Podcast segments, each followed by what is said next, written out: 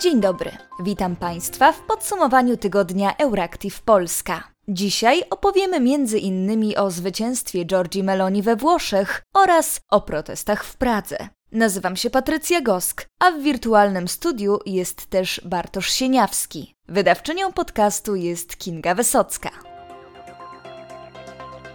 Dziesiątki tysięcy osób demonstrowały 28 września w Pradze, domagając się rezygnacji rządu Petra Fiali w związku z rosnącymi kosztami energii. Manifestacja była odpowiedzią na kryzys energetyczny i gwałtowny wzrost kosztów utrzymania. Uczestnicy sprzeciwiali się członkostwu Czech w Unii Europejskiej i NATO. Protestujący wzywali rząd do zawarcia nowych kontraktów gazowych z Rosją i osiągnięcia neutralności militarnej poprzez wystąpienie z NATO, a także do opuszczenia Unii Europejskiej, Światowej Organizacji Zdrowia i Organizacji Narodów Zjednoczonych. Protestujemy, ponieważ sytuacja w kraju w ciągu ostatnich dwóch, trzech lat stała się bardzo trudna, powiedziała uczestniczka demonstracji. Chcielibyśmy mieć dobre relacje gospodarcze z Rosją, zwłaszcza jeśli chodzi o dostawę gazu. Dodała, że choć nie popiera wojny na Ukrainie, popiera utrzymanie współpracy gospodarczej z Moskwą.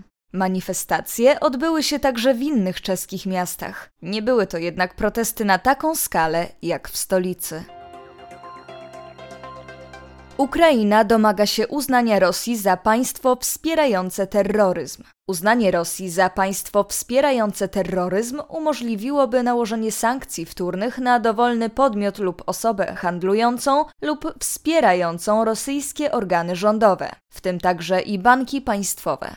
Moskwa mogłaby także zostać pozwana o odszkodowania pieniężne lub materialne zadośćuczynienia za obrażenia ciała lub śmierć spowodowaną terroryzmem państwa rosyjskiego. Do takiego posunięcia wzywał Andrii Jermak, szef biura prezydenta Ukrainy Wołodymyra Załęskiego. Pozytywnie odniósł się on do dotychczasowych sankcji, zauważając jednak, że aby były skuteczne, należy je wzmocnić. Apel Jermaka ma związek z publikacją raportu Międzynarodowej Grupy Roboczej do spraw sankcji doradzającej rządowi ukraińskiemu. W jej skład wchodzi m.in. były ambasador USA w Rosji Michael McFaul. W dokumencie stwierdzono, że Rosja spełnia prawną definicję państwa terrorystycznego według prawa amerykańskiego i kanadyjskiego. Istotę terroryzmu można dobrze podsumować jako przemoc z premedytacją, motywowaną politycznie wobec celów niebędących obiektami wojskowymi, zauważono w raporcie. Za państwa terrorystyczne jak dotąd zostały uznane jedynie Korea Północna, Syria, Iran oraz Kuba. W przypadku Rosji rozwiązaniu temu sprzeciwiała się m.in. administracja Stanów Zjednoczonych. W ostatnich miesiącach szef amerykańskiej dyplomacji Antony Blinken podkreślał, że Departament Stanu USA musi upewnić się, czy Rosja spełnia wszystkie kryteria państwa sponsorującego terroryzm. Przyznał przy tym, że obecne sankcje mają taki sam efekt, jaki miałoby wpisanie Rosji na tę listę. Sam prezydent Joe Biden wraz z początkiem września stwierdził zaś, że Stany Zjednoczone nie mają w planach uznania Rosji za państwo terrorystyczne.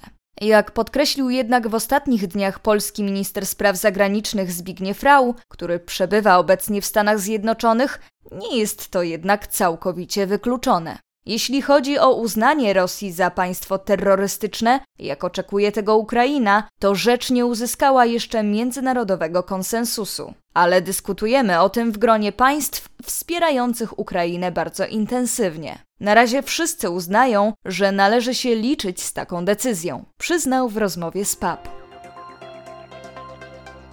Aż 80% rosyjskich żołnierzy z granic z Finlandią i państwami bałtyckimi miało zostać przekierowanych do walk w Ukrainie, donosi Foreign Policy. Szacunki estońskiego wywiadu wskazują na znaczne zmniejszenie liczby stacjonujących w północno-wschodniej Europie rosyjskich żołnierzy.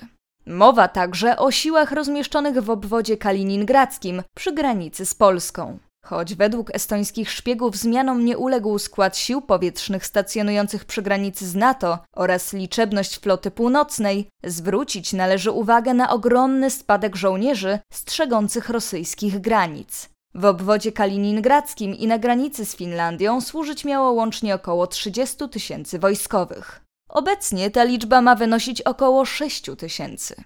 Redukcja liczby żołnierzy, którą widzieliśmy przez ostatnie 7 miesięcy w tym regionie, jest bardzo znacząca. Przez dziesięciolecia Rosja trzymała blisko nas siły lądowe, które teraz praktycznie wyparowały, powiedział zachowujący anonimowość urzędnik z jednego z krajów skandynawskich. Wysłali do Ukrainy prawie wszystko, co mieli. Bezpośrednie zagrożenie militarne dla regionu bałtyckiego jest oczywiście w tej chwili niewielkie, ponieważ przy naszych granicach nie ma już profesjonalnych wojsk, ale to nie znaczy, że Rosja nie jest niebezpieczna. Powiedział estoński dyplomata Jonathan Wsewiow, cytowany przez magazyn Foreign Policy. Eksperci przyznają, że Rosja z pewnością w końcu odbuduje swój potencjał przy granicach nad Bałtykiem, ale zajmie to jakiś czas. Do tej pory, zdaniem analityków, obywatele państw bałtyckich i Finlandii mogą spać spokojnie. Wycofani do Ukrainy doświadczeni i odpowiednio przeszkoleni żołnierze rosyjscy najpewniej uzupełnią jednostki rozbite na froncie charkowskim.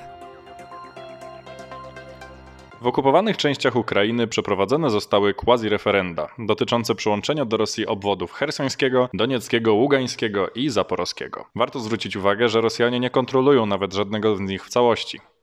Wyniki prawdopodobnie nikogo nie zaskoczyły, aż około 96% osób biorących udział w głosowaniu marzy o życiu w kraju mlekiem i miodem płynącym, jakim jest Rosja. Oczywiście marzy bierzemy w cudzysłów, ponieważ referenda separatystyczne nie są traktowane poważnie i zostały sfałszowane. Państwa Zachodu od początku mówiły, że nie uznają głosowań za prawdziwe i wiążące. To stary sposób Rosji na zagrabianie terytoriów, z którego Moskwa korzystała już w 2014 roku, anektując Krym. Co ciekawe, nawet dotychczasowi sojusznicy Rosji, tacy jak Turcja i Kazachstan, poinformowali, że nie uznają legalności referendów. W internecie pojawiło się wiele materiałów prezentujących warunki, w jakich odbywało się głosowanie. Obywatele zajętych ziem odwiedzani byli przez eskortowaną przy, przez uzbrojonych żołnierzy komisję wyborczą, która waląc w drzwi domagała się oddania głosu. Oczywiście pasującego rosyjskim interesom, o co dbali obecni przy głosowaniu wojskowi. Ukraińcy zaapelowali już do Unii Europejskiej o nałożenie na Rosję kolejnych sankcji za przeprowadzenie nielegalnych referendów. Kuriozalna sytuacja mająca miejsce w okupowanych regionach Ukrainy jest także często wyśmiewana. W czeskim internecie pojawiła się petycja domagająca się od czeskiego rządu przeprowadzenia podobnego referendum na terenie obwodu kaliningradzkiego. Autorzy petycji argumentują, że to powiększyłoby terytorium Czech i w końcu dało im dostęp do morza. Trzecia dekada XXI wieku niepokojąco przypomina lata XX wieku. Mieliśmy już pandemię, kryzys finansowy i wybuch wojny na wschodzie Europy. A teraz do władzy we Włoszech powróciła skrajna prawica. W ubiegłą niedzielę wybory zwyciężył skrajnie prawicowy blok, złożony z partii Forza Italia Silvio Berlusconiego, Ligi Matteo Salviniego i braci Włochów Giorgi Meloni. Polityczka ta najprawdopodobniej zostanie nową włoską premierką.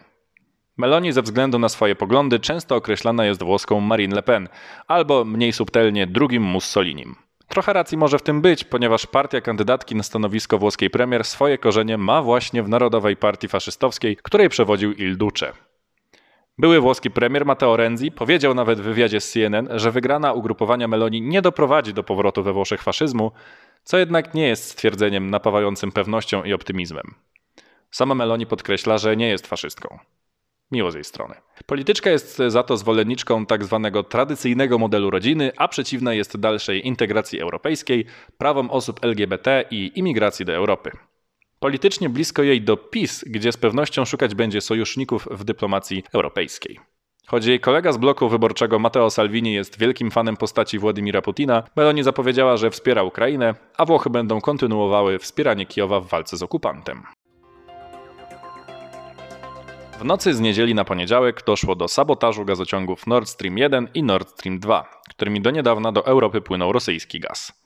Początkowo informowano o spadku ciśnienia, a następnie o kilku dziurach w systemie, z których uwalniało się paliwo. Ostatecznie informacje o sabotażu potwierdziły nadbałtyckie stacje wyposażone w sprzęt mierzący dane sejsmiczne. W nocy zaobserwowano kilka eksplozji w okolicy podwodnego gazociągu. Przecieki w bałtyckich rurociągach Nord Stream 1 i 2 nie były spowodowane naturalnymi zdarzeniami lub zmęczeniem materiału, ale rzeczywiście doszło do ataków na infrastrukturę, stwierdził niemiecki minister gospodarki Robert Habeck na spotkaniu z przedstawicielami biznesu. Według informacji konserwatorów rurociągu, odbudowa go w obecnej sytuacji politycznej i przy nałożonych na Rosję sankcjach może być niemożliwa. Tym samym zakończył się projekt kontrowersyjnego energetycznego sojuszu między Niemcami a Rosją. Pojawia się jednak pytanie, kto zaatakował Nord Stream? Niektórzy wskazują, że mogła być to akcja bojowa Rosji, ale inni, w tym przykład Radosław Sikorski, wskazują na Stany Zjednoczone, które w zaatakowaniu europejsko-rosyjskiego gazociągu mogły mieć teoretycznie największy interes. Polacy patrzą z kolei z niepokojem na dopiero co otwarty gazociąg Baltic Pipe, który również mógłby zostać zaatakowany w podobny sposób co Nord Stream. To już wszystko w dzisiejszym podsumowaniu tygodnia redakcji Euractiv Polska. Życzymy Państwu miłego weekendu.